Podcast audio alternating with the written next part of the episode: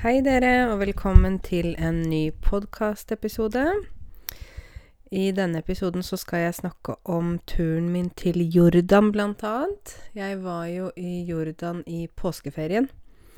Um, I Norge så er det jo sånn at vi har ganske mange ferier som lærere. så vi har høstferie. Det er uh, i uke 40, pleier det å være. Og så pleier det å være en ganske lang juleferie. Da er det kanskje 20. desember til 3. eller 4. januar. Og så kommer det vinterferie i uke 8, ofte i februar. Og så er det påskeferie. Og nå er det mai, så da er det mange fridager. Så, og så er det sommerferien. Så man kan jo nesten tenke at lærere bare har fri og ikke jobber. um, det er jo egentlig ikke sånn, fordi man regner at en lærer i gjennomsnitt Gjennomsnitt er det når vi plusser f.eks. 5 pluss 3 pluss 7 pluss 8 pluss 10 sammen, og så finner vi hva som er gjennomsnittet. Ikke sant? Hva som er ja, average, sier vi på engelsk. Så en lærer jobber ca. 43 timer i uka når de jobber. Og en som jobber i en annen vanlig jobb med vanlig arbeidstid, jobber 37,5 timer eller 40 timer um, med pausene, da. Sånn at det er jo uh, 43 timer, uh, og mange uker så blir det mange dager og mange uker også. Men lærere har jo ja mer fri enn andre. Um, men det å være lærer vil jeg si at det er Det er ikke sånn en jobb som er det vi kaller for åtte til fire-jobb. For du er Hvis du er lærer, så er, blir det ofte en slags uh, livsstil. Um, du tenker liksom hele tiden på elevene dine. Tenker på hva du skal gjøre neste dag, neste uke. Hvis du er på reise, så tenker du 'Å, denne tingen her kunne jeg kjøpt til klassen', for da, når jeg skal snakke om f.eks. historie, så kan jeg vise denne tingen i klassen. Ja, ikke sant. Så du er egentlig hele tiden på jobb i hodet, selv om du ikke er fysisk på jobb, da. Og for meg så er det jo også sånn at jeg tenker på dere. Så tenker jeg ja, det kan jeg lage en video om. Eller det kan jeg snakke om på podkasten min. Eller kanskje jeg skal Kanskje jeg skal tipse folk om denne serien på NRK på Facebook-gruppen min, ikke sant? Så er det hele tiden et eller annet som skjer. Hele tiden en prosess, da. Så det å være lærer, det er en um, Hva skal jeg si? Er det en livsoppgave? Vil jeg si. Er det for meg, i hvert fall. Det er uh, en oppgave som aldri blir ferdig, fordi at det er så mye jeg kan lære bort. Og det er så mye som jeg lærer av dere, ikke sant. Så det er sånn hele tiden sånn gi og ta. Så i hvert fall. Det var en lang digresjon. En digresjon, det uh, betyr altså når man snakker om en ting, og så plutselig snakker man om noe helt annet. Kjenner dere noen sånne mennesker som har veldig mange digresjoner når de snakker. Det kan jo være en liten digresjon. Det er jo greit. At man bare Du, forresten. Eh, jeg tenkte på det og det. Og selv om det ikke har noe med saken å gjøre, så er det greit. Men hvis noen har veldig lange digresjoner, da kan det bli for mye. Så nå har jeg en lang digresjon om ordet digresjon. Karense slutt. Nå skal du fortelle om Jordan. Ok. ok. Så Jordan eh, Jeg reiste med min venninne Zaineb. Vi er eh, veldig nære venninner. Vi liker å reise sammen fordi vi liker å gjøre de samme tingene på ferie. Eh, og så er vi interessert i å reise i de samme områdene, så vi reiser stadig. Vi var jo på tur i Oman sammen også i i Når var det? September. Og så har Zainab uh, leilighet i Tyrkia. Der var jeg i januar. Og jeg var der i fjor sommer også. Så nå reiste vi til Jordan. Um, jeg hadde jo lest litt om Jordan før jeg reiste, men jeg synes det egentlig er gøy å komme til et nytt sted med et åpent sinn. Å ha et åpent sinn, altså S-I-N-N, ikke sin og sitt og sin eh, og sine og sånn. Et åpent sinn betyr at hodet ditt, altså tankene dine, er åpne, da, for det som kommer. Du er liksom ikke Sånn at du er lukket og tenker 'nei, jeg er ikke interessert i å høre om nye ting' og sånn. Du kommer med et åpent sinn. Da er du også interessert og klar for å lære noe nytt. Så jeg hadde lest at Jordan blant annet har veldig lang historie. Og det visste jeg jo også, for det har det er liksom verdenskjent, da. At mange av disse sivilisasjonene, disse tidlige sivilisasjonene, blant annet stammer fra det området. At noe stammer fra, betyr at noe kommer fra, men f langt tilbake. Så en stamme, det er jo på et tre, ikke sant? Det er liksom Treet starter fra stammen, og så blir det et tre. Eller starter egentlig fra roten, da, og så blir det en stamme, og så blir det et tre. Og vi mennesker, vi stammer, det er et verb, å stamme fra Ja, noen tror at vi stammer fra apene, noen tror at vi stammer fra Ja, det er jo en egen diskusjon. Den skal jeg ikke ta her. Så disse sivilisasjonene sivilisasjonene har da vært der i disse områdene veldig lenge. Vi snakker om mer enn ti tusen år tilbake. Jeg var jo på noen museer, og der så jeg gjenstander. Gjenstand er et annet ord for ting. Der så jeg gjenstander som var kjempegamle. Altså, de kunne ikke helt si når, men det er snakk om trett ja, ti tusen år tilbake. Tolv tusen, femten tusen, og så videre. Veldig gamle ting. Gamle skulpturer, gamle redskaper. Redskap er noe man bruker for å lage noe, eller for å For eksempel hvis man skal lage en stol, da må man bruke redskaper, og det er blant annet hammer og sag og kanskje kniv og sånn. Så redskaper, det bruker vi når vi lager ting, da, med hendene. Ja. Så det var sånne Ja, vi kunne se gamle type våpen eller type skjeer, øser Altså ting de brukte, da, i dagliglivet sitt. Det var kjempespennende. Når jeg reiser i Midtøsten, så pleier jeg å bo ganske bra. Pleier å bo på femstjerners hotell. Ikke fordi jeg er en millionær, for det er jeg ikke, men fordi prisene er såpass lave at det går an å bo bra på hotell. I Norge er det jo veldig dyrt med hotell, og jeg synes ofte at kvaliteten også kan være litt dårlig, ikke sant? Men i sånne land så er det ganske billig å Det er ganske billig å Nå er det en katt som kommer til meg her, for jeg jeg er på besøk hos en venninne som har en katt med kattunger. Så hvis dere hørte et lite mjau, så er det helt riktig. Hun kom inn på rommet her jeg sitter nå. Ja. Så disse fine hotellene, de koster kanskje Hva betalte vi? 800 kroner per natt. Og da deler vi det på to, så da blir det jo 400 kroner per person per natt, og det det går an.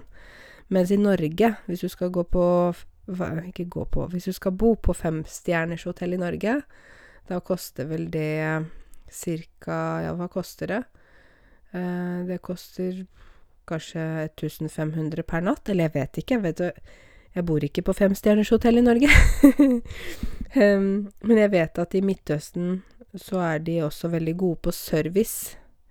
Altså, de tilbyr på en måte Ja, de er veldig flinke til å hjelpe deg. Hvis du trenger noe på hotellet, så kommer de inn og hjelper deg om det så er midt på natta. De er de er på tilbudssida. Å være på tilbudssida betyr at man er Eller tilbudssiden betyr at man liksom gjerne hjelper til, da. Så en person som er på tilbudssida, sier ja, OK, er det noe mer du trenger, eller vil du at jeg skal Vil du at jeg skal bidra med noe, eller er det noe jeg kan gjøre for deg? Da er man på tilbudssida. Og det er jo mange mennesker som er på tilbudssida. Og det er jo også de på disse hotellene, da. De hjelper gjerne til. Så vi bodde i Amman. Amman er hovedstaden i Jordan.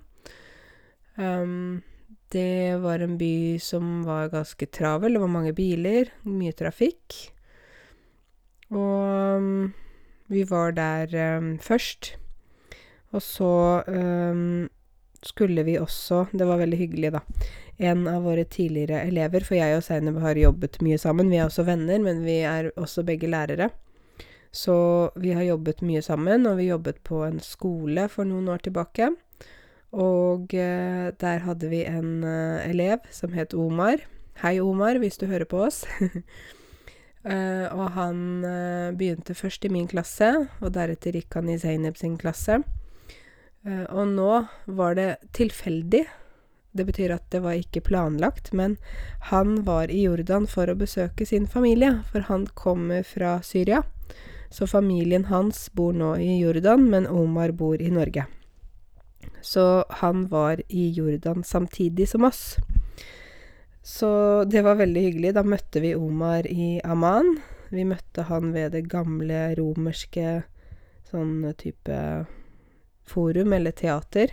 Eller sånn, det er, det er ruiner. Det er ikke et teater som brukes nå, men ruiner betyr at det er deler av noe som har vært. Ikke? For eksempel eh, pyramidene i, i, Egypt. Pyramidene, de er, de er jo hele, men noen av pyramidene er ødelagte. Da er de ruiner. Det er fortsatt litt igjen, men de er på en måte ikke fungerende lenger, da. Så dette romerske teatret, da det var uh, på en måte ruiner. Altså det Ja. Man kan jo sitte der og sånn, men det er jo litt slitent. så vi møtte Omar der. Uh, og han syntes jo det var veldig morsomt å møte sine gamle lærere. uh, og så var det jo veldig fint for oss å ha med en guide som kunne hjelpe oss litt. Så da dro vi og så litt på um, noen museumsgreier der. Og så Etterpå gikk vi og spiste, og både Zainab og jeg liker å spise lokal mat. Så det betyr at vi liker å gå der de lokale spiser, fordi det er der maten er best. Det er ikke best mat der turistene spiser, ikke sant? Sånn er det alltid. Der du ser at det sitter mange lokale folk, der bør du spise. For der er maten eh, tradisjonell, lokal, kanskje også billig, og ja. Så vi eh, spiste noe eh, jordansk mat. Jeg er jo vegetarianer, så jeg spiste mer sånn arabisk mat. Sånn hummus, tabule, fatouche For dere som kjenner til maten, så eh, Og så spiste Zainab Husker ikke helt hva det heter. Hører dere kattepustene? Vet ikke om dere hører de? de er bare tre bitte små kattepuser. Kattunger. De er bare tre uker. Eh, Zainab spiste ris med kjøtt. Det var sånn tradisjonell jordansk eh, mat. Um, og etterpå spiste vi en dessert som jeg elsker, men som jeg ikke bør spise. For det er en kaloribombe. det sier vi. Eh, hvis det er noe som er veldig godt, for eksempel eh, ja sjokoladekake med krem eller gulrotkake eller noe sånt, da da sier vi at det er en kaloribombe. Og en kaloribombe, det Da kan du spise bitte litt, men det er mange kalorier i det lille du spiser. Så vi måtte spise en spesiell kaloribombe som heter knefe. Knefe. Noen av dere kjenner til det. Knefe. Det er ost. Det høres veldig rart ut. Det er ost, og så eh, sukker sukkersirup og eh, en type det, det, er ikke pasta, det er ikke spagetti, altså, men det er laget av hvete. Sånn Ja, jeg syns dere får google det. Skrive KNAFE. Knafe. Knafe. Dessert. Dessert. Da kan dere google det. Knefe-dessert. Dessert. Da kan dere se bildet. Det er veldig vanskelig å forklare. ja. Og så eh, spiste vi det sammen med Omar, og vi pratet om gamle dager, og han husket hvordan vi var som lærere, og det var veldig hyggelig. så avtalte vi med Omar at vi ville gjerne reise til Petra Og han spurte om han kunne bli med oss, fordi han ikke hadde vært i Petra før, og han syntes det hadde vært hyggelig å bli med oss. Så da skulle vi planlegge en reise til Petra. Petra ligger ca. fire timer fra Amman med buss. Så vi bestilte buss. Um, det er en sånn buss som heter Jet. Så det var sånn man måtte forhåndsbestille, da, plasser. Det var ikke verdens beste buss, men standarden var bedre enn kanskje andre lokalbusser, da. Men jeg syns fortsatt ikke standarden var så god. At standarden er god, betyr at det er bra. Altså det er Bussen er bra, da. Men i hvert fall, en av dagene dro vi til Petra. Vi måtte stå opp så tidlig, og jeg hater å stå opp tidlig. Særlig når jeg er på ferie. Det er nesten sånn tortur for meg. For i hodet mitt så tenker jeg at på ferie, da slapper vi av, da sover vi så lenge vi vil, og så står vi opp når vi naturlig våkner opp. Men bussen gikk halv sju, så vi måtte jo dra fra hotellet kanskje klokken halv seks. Stå opp klokken fem og så kom vi til bussen, og da, selvfølgelig, var det arabisk tid, så det gikk jo ikke halv syv, bussen gikk eh, ti over syv. og jeg tenkte jeg kunne sovet 40 minutter ekstra, hallo, hallo. Men i mellomtiden så fikk vi spist eh, frokost, og da eh, bestilte vi noe som jeg også elsker, som også er litt sånn kaloribombe, og det er manaish. Manaish er det er eh, rett og slett eh, brød som blir bakt på stedet. Ikke brød sånn som norsk brød. Dette er flatt. Eh, de har deig. Ikke, ikke DEG, ikke meg og deg, men det er deig, deig. D-e-i-g. De har deig som de baker ut, og så tar de på eksempel ost, og så zatar. Zatar er en blanding med Nå er det noen spesielle krydder her. Timian og så er det sesamfrø, og så er det salt, og så er det litt sitron. Det høres rart ut kanskje hvis du aldri har smakt det, men det er nydelig. Så det heter manaish og jibni og zatar.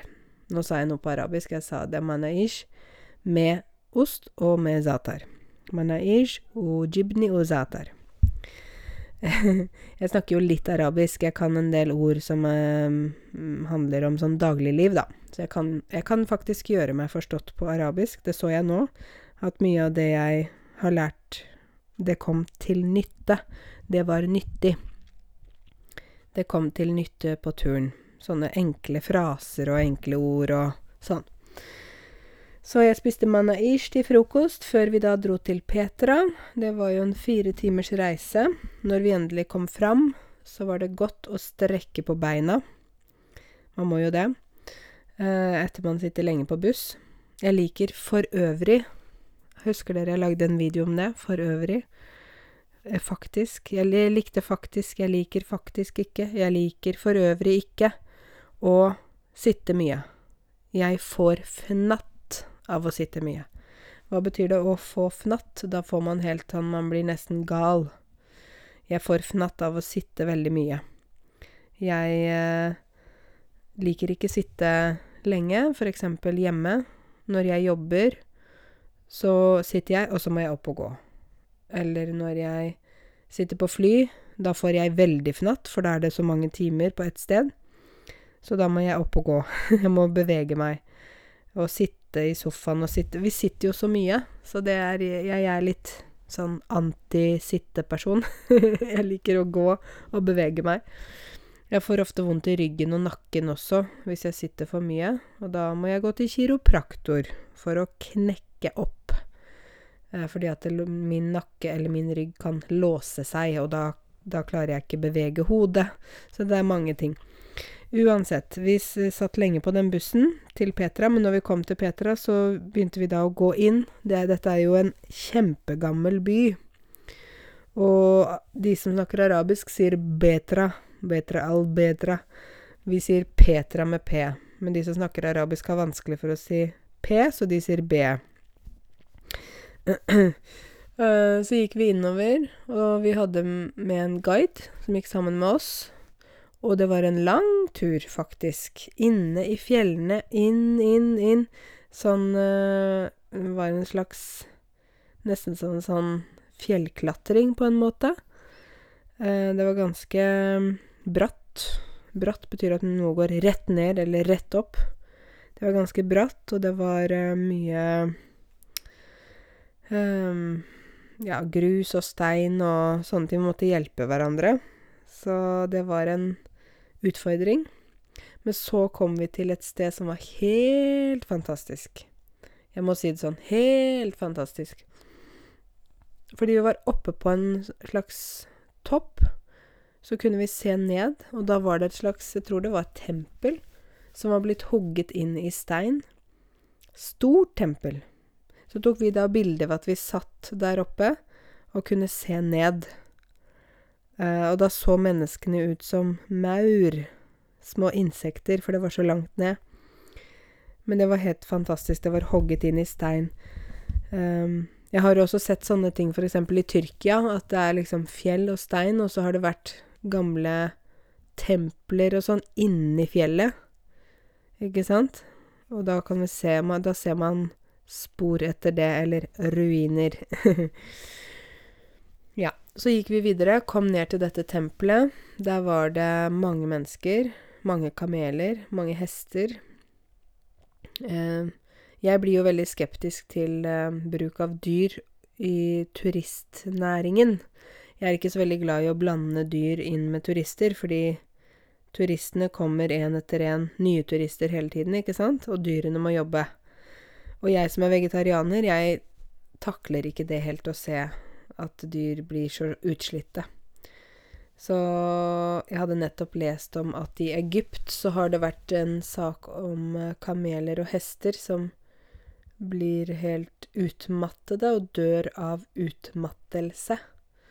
Når man blir utmattet, da er man ferdig 100% Man er så sliten at man ikke klarer å stå på beina. Så. Jeg var ikke så veldig glad for å se kameler og hester der, men ja vel. Sånn er nå meg. Eh, det er kanskje mange av dere som ikke helt forstår hvorfor jeg ikke liker det. Uh, noen av dere som er vegetarianere som hører på meg, dere forstår. Men ja. Noen sier ja, men det er bare et dyr. For meg så er det ikke bare et dyr, men ja. det er en annen diskusjon. Jeg skal ikke ta den digresjonen nå. Jeg må jo gjenta ordene, ikke sant? Når jeg har sagt de før, så må jeg si det igjen slik at dere kan huske disse ordene digresjon. Ja. Men i hvert fall, Petra var helt fantastisk. Jeg vil anbefale alle å reise til Petra, der man føler liksom at man går i tusenvis av år. Man går liksom gjennom historie. Det er store fjell, det er inskripsjoner i veggene, det er uh, templer inni fjellet, det er Ja, det er veldig gammelt. Så det var veldig spennende. Um, jeg er jo veldig glad i historie, så for meg så var det alfa og omega å se Petra. Uh, Omar syntes også det var spennende. Uh, og men én ting som var veldig rart, var at uh, midt på denne turen i Petra, oppå et fjell, der satt det en dame som hadde et lite hus, eller ikke hus, men en slags telt. Og foran teltet så hadde hun lagt mange fine steiner.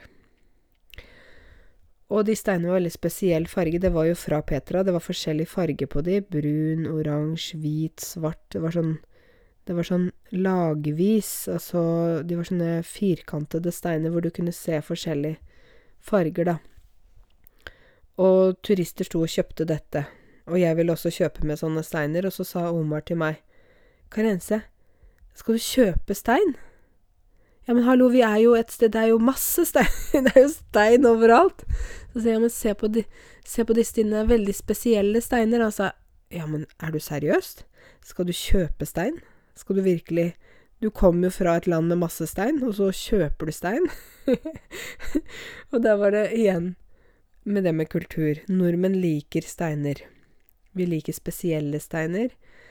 Og det er helt vanlig at vi kjøper med stein små steiner eller store, fine steiner når vi er ute og reiser, eller at vi plukker steiner som er i naturen, da.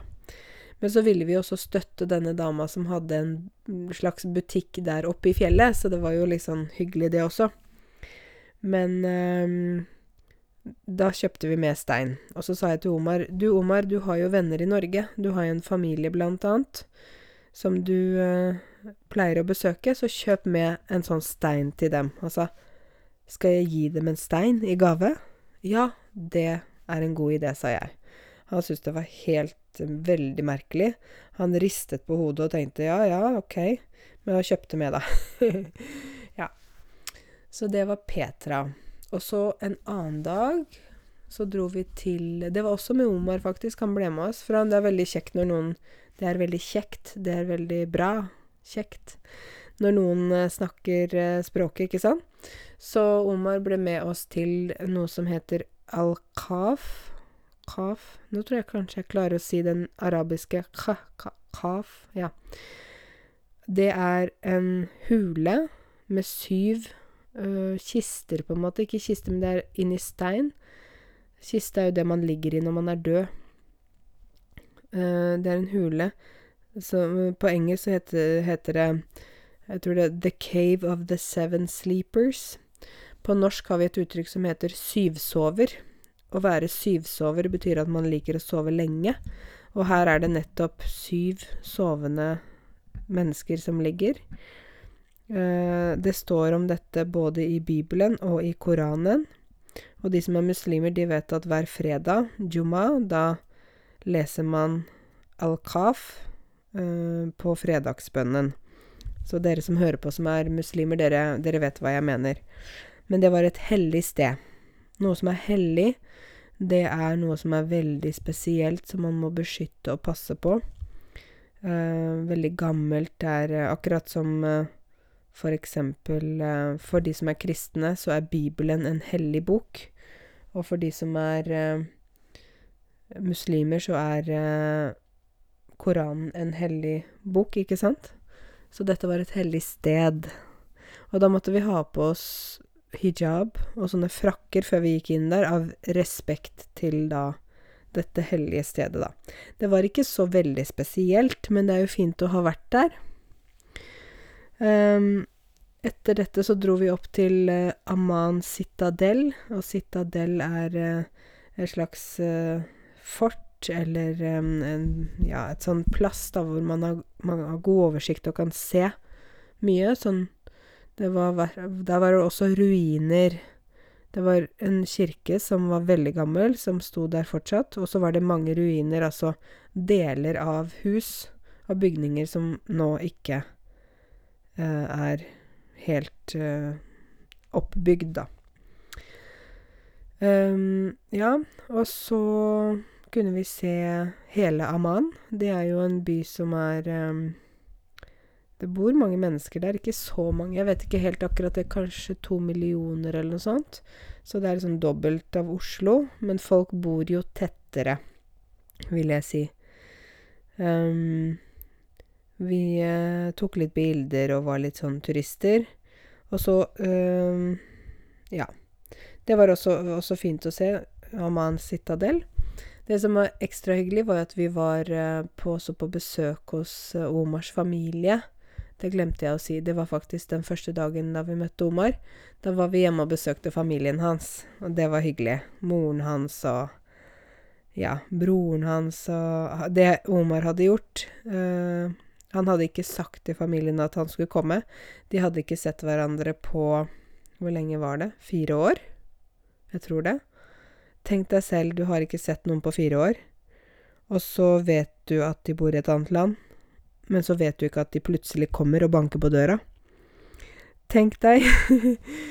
så Omar eh, banka på døra, og broren hans kom ut og begynte å gråte, for han er mye yngre enn Omar, så han blir jo veldig sånn Wow! Han ble veldig overrasket, og hele familien ble veldig overrasket, så det var jo en veldig fin overraskelse, syns jeg, da. Fint at Omar gjorde det. Eh, så jeg kan tenke meg at det å reise tilbake til et land, selv om det ikke er hjemlandet, men det å kunne møte familien igjen, endelig, er en helt fantastisk følelse. Samtidig er det også vanskelig fordi man vet at man ikke bor på samme sted. Det er bare en ferie, det er bare en reise, og så skal du tilbake til f.eks. Norge igjen, så det er en midlertidig glede. Men det er jo en glede likevel. Um, når det gjelder um, Jordan som land, så syns jeg det var et fint land. Veldig mye sånn fin natur og fine landskap. Veldig mye historie. Er man interessert i historie, er det veldig spennende land. Vi var jo også ved Dødehavet, jeg og Zainab. Dødehavet er jo det havet der ingenting lever. Det er jo så salt at ja. Så vi tenkte at nå skal vi få helt fantastisk hud. så vi dro Først dro vi til noe som skulle være hot springs, altså det er en sånn vannkilde, sånn naturlig vannkilde som um, Der det kommer varmt vann ut fra fjellet, da. Så vi skulle dit. Så vi dro først dit, men der var det uh, Hadde vært flom uh, tidligere. Flom betyr når det kommer veldig mye vann etter isen og snøen smelter. Så disse hot springs, eller disse varme kildene, det var ikke så veldig mye. Så vi ble litt skuffet. Å bli skuffet, det blir du når uh, det som du tenker skal skje, ikke skjer. Du Åh, nei, uff, da blir du skuffet, ikke sant? Så vi ble skuffet over det. Men da reiste vi videre til Dødehavet. Der ble vi ikke skuffet, for der var det jo mye vann. um, så vi dro uh, liksom til et sted, da, et slags hotell, der man kunne uh, ha tingene sine og sånn, og så gå ned til havet. Og så uh, gikk vi ut i vannet, det var en veldig spesiell følelse, fordi Dødehavet er jo ekstremt salt. Det er jo så salt at ingenting kan leve der. Det er derfor det heter nettopp Dødehavet. Um, og du flyter. Du flyter Du kan ikke stå, du kan ikke Det er ikke som å bade i vanlig vann. Du liksom bare flyter opp, og du kan ha beina opp og armene opp, og du kan bare ligge der. Så vi tenkte at dette må jo være perfekt sted hvis man ikke kan svømme, og vil være i vann og være på litt dypt vann. Så vi, vi lå der med armer og bein til værs. Dere vet sånn til fots, til fjells, til værs. Det betyr opp i været. Eh, for eksempel ballongen gikk til værs, gikk opp i himmelen. Vi hadde armer og bein til værs. Og vi lå der og tok bilder og sånn, og så smurte vi oss inn med gjørme. Det er jo Gjørme er rett og slett um, Hva kan man si? Eh, vanskelig å forklare. Gjørme, leire. Det er Du vet, på bunnen av havet, der er det ikke sand. Det er ikke stein. Det ofte er det gjørme. Det er som sånn som du kan ta som ansiktsmaske. Du kan ta det i ansiktet, du kan ta det på kroppen, og så får du veldig myk hud. Forstår du hva jeg mener nå? Eh, sånn svart farge, gjerne. Svart eller grå farge, og så må du vente til det tørker, så kan du tørke det av. Ja, så vi smurte inn hele kroppen med gjørme. vi så veldig rare ut, vi var helt fulle av gjørme. Så måtte vi vente til det tørket. Da begynte det å klø. Så vi ville gjerne øh, klø. Og så gikk vi ut i vannet igjen, da. Så det var litt sånn grisete opplevelse. Kjenner du den når vi bruker gri grisete? Vi bruker jo Vi har en del uttrykk med gris. Det var en grisete opplevelse fordi det var jo gjørme overalt. Og griser liker seg veldig godt i gjørme, så det passer bra å bruke det ordet der. Det var en grisete opplevelse, men uh, vi fikk jo veldig myk hud. Vi fikk babyhud etterpå, så det var verdt det. Vi sier på norsk at man må lide for skjønnheten. Man må lide for skjønnheten. Å lide betyr at man har det helt forferdelig.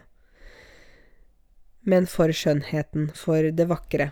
Så det går, det går, greit når man lider for skjønnheten, fordi det man får etterpå, er jo Man blir penere.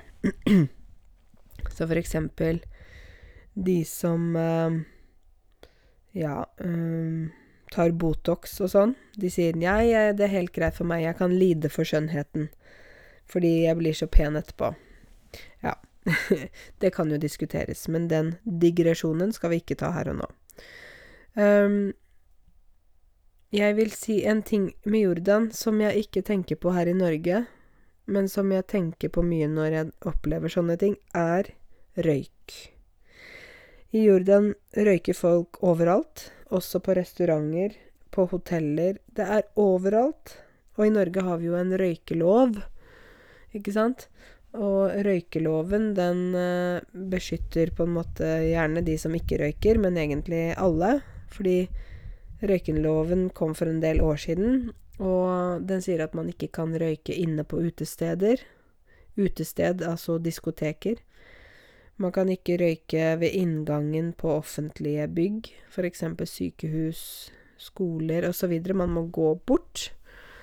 Um, og da røykeloven kom, oi, da var det stor ståhei. Stor ståhei, S-T-Å-H-E-I, det er et ett ord. Ståhei betyr mye bråk. Det var stor ståhei da røykeloven kom. Eh, fordi de som røyket, ble veldig sinte og sa at ja, men dere kan ikke ta fra oss retten til å røyke. Vi må få lov til å røyke hvis vi vil det, osv. Men nå så er det ingen som maser om det. Nå er det ikke noe stor ståhei. Nå er det jo sånn det er. Men jeg merket i Jordan Å, uff! Uff og huff, det var røyk overalt. Og det er sånn når du skal spise deilig mat, ikke sant? I hvert fall for meg, da, som ikke røyker. Og jeg har aldri prøvd å røyke. Jeg er helt imot røyk. Um, når du sitter der med deilig mat, og så kommer det så lukt røykelukt på deg og på maten, da kjente jeg åh, nå har jeg ikke lyst til å spise mer. så det var en ting som uh, jeg syns De bør også få en røykelov i Jordan, faktisk. Det hadde vært fint.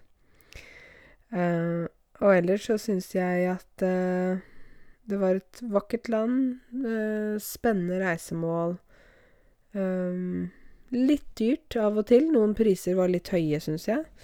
Men generelt et veldig spennende land. Jeg vil si at man må reise litt rundt. Man kan ikke bare være i Amman, for eksempel. Vi var jo der på shoppingsenter og sånn, men det er jo en, Det finner man jo i alle land. Men Petra, for eksempel, og Dødehavet, det finner man ikke i alle land. Så sånne ting må man jo bare se. Så etter at jeg kom tilbake, så har jeg eh, eh, tenkt mye på eh, eksempel dette med norsk historie og og hvordan vi mennesker har levd og sånn. Jeg tenkte mye på det, fordi det var så mange spor etter tidligere sivilisasjoner i Jordan, da. Og jeg er takknemlig for at jeg vet mye om norgeshistorie, og at jeg har studert det, at jeg har lest det, at jeg kan til og med undervise i det. Og jeg tenker også på dere. Vet dere nok om bakgrunnen til landet deres, eller hvor dere kommer fra? Det er viktig. Det er uh, viktig for uh, livet i dag, vil jeg si, å forstå hvor man kommer fra. Og dere som har barn, bør jo også lære barna deres ikke bare om norsk historie, men også om historien til hjemlandet deres, ikke sant? Det er viktig. Um, statusoppdatering, hva skjer nå for tiden? Det skjer mye hele tiden. um, for det første har jeg sagt opp jobben min på voksenopplæringen der jeg har jobbet. Jeg har jo jobbet på Lørenskog voksenopplæring. Og der skal jeg jobbe Jeg skal jobbe ut juni. Det betyr jeg jobber til juni er ferdig. Ikke sant? Uh, man kan si sånn Jeg skal jobbe her ut 2019. Da til 2019 er ferdig, men 2020, da skal man ikke jobbe der mer. Så jeg har måttet si opp min jobb på Lørenskog voksenopplæring. Ikke fordi jeg ikke liker meg der, men jeg har ikke tid. Absolutt 100 ikke tid. Det er Jeg har så mange planer for hva jeg skal gjøre videre. Jeg har mange elever på nettskolen min. Jeg har begynt å få lærere som jobber for meg. Um, fordi jeg har lyst til å utvide skolen min, utvide konseptet gjøre flere ting. Lage mer YouTube-videoer Nei, ikke mer YouTube-videoer. Kan jeg se flere YouTube-videoer? Nå må jo jeg snakke grammatisk riktig. Men dere vet, mange nordmenn blander mer og fler, og mye og mange. Så det, du kan godt høre nordmenn bruke dette her feil. Og det gjorde jeg til og med nå automatisk. Hørte du det? Jeg skal lage mer videoer. Nei, jeg skal lage flere videoer. Så jeg skal lage flere videoer til dere. Listen er lang. Jeg skal lage flere podkastepisoder. Jeg skal uh, holde foredrag. Å holde foredrag betyr at man snakker foran mange folk som sitter og hører på deg. Uh, jeg skal holde kurs. Jeg skal, jeg skal, gjøre veldig mange ting. Så jeg gleder meg veldig mye til alt jeg skal gjøre. Men jeg må jo ha tid til det. Det er derfor jeg sluttet på voksenopplæringen. Og så er det jo dessverre litt sånn rundt omkring nå mange steder som blir nedlagt. Altså voksenopplæringer, læringssentre, skoler for norskkurs og sånn som blir nedlagt. Det syns jeg er veldig trist. Men det blir sånn fordi eh, det rett og slett ikke er eh, nok elever. Så jeg skulle virkelig ønske at Norge kunne gi gratis norskkurs til alle mulige folk som flyttet hit, sånn som de gjør i Sverige og Danmark. Der får man gratis danskkurs eller svensk kurs, selv om man kommer fra f.eks. Litauen eller eh, England eller andre land nær uh, Norge. Eller uh, Sverige eller Danmark. Det syns jeg er veldig bra. For uh, jeg vil jo ikke at skolene skal bli nedlagt. Men det er det som skjer nå mange steder, at fordi det ikke kommer mange flyktninger, og fordi staten også har gjort det litt vanskelig å være innvandrer i Norge, så er det mange som velger å kanskje bare ikke flytte hit, eller flytte tilbake. Og det syns jeg er synd, for jeg leste her om dagen Her om dagen betyr for to-tre dager siden. Her om dagen leste jeg i avisen at vi mangler hva var det jeg leste? Var det 14 000 arbeidere? Altså vi mangler Det er mange steder der man ikke har nok arbeidskraft. Kraft, ikke sant? Det betyr power. At man har styrke. Arbeidskraft er folk som kan jobbe. Og når vi mangler 14 000 um, mennesker til jobb, og samtidig gjør vi det vanskelig for folk å komme til Norge, da er det en enkel matematikk som rett og slett bare betyr at det eh, kan vi ikke helt eh, forstå, ikke sant? Hvordan skal det fungere? At man eh, har eh, behov for arbeidskraft, samtidig ikke nok folk til å jobbe. Så ja. Jeg eh, håper jo etter hvert at de åpner opp for å gjøre ting litt lettere for folk å flytte hit. Vi mangler særlig Spesielt, særlig. Særlig betyr det samme som spesielt. Vi mangler særlig folk innenfor helsesektoren. Sykepleiere, hjelpepleiere, helsefagarbeidere, sånn. Og så mangler vi folk innenfor bygg og anlegg. Det er da snekkere, rørleggere, elektrikere Folk som kan bygge. Så hvis du kjenner noen som trenger jobb, så får det be de flytte til Norge. det det har vi stort behov for. Så jeg skulle egentlig ønske at Norge var litt sånn litt mer fremtidsrettet på det planet. At vi så litt lenger mot fremtiden, ikke bare akkurat i dag. Så jeg tror at vi vi kan gjøre mye bra, men vi må ikke være så trege. Jeg syns systemet i Norge er veldig tregt. Prosesser og ting går sakte.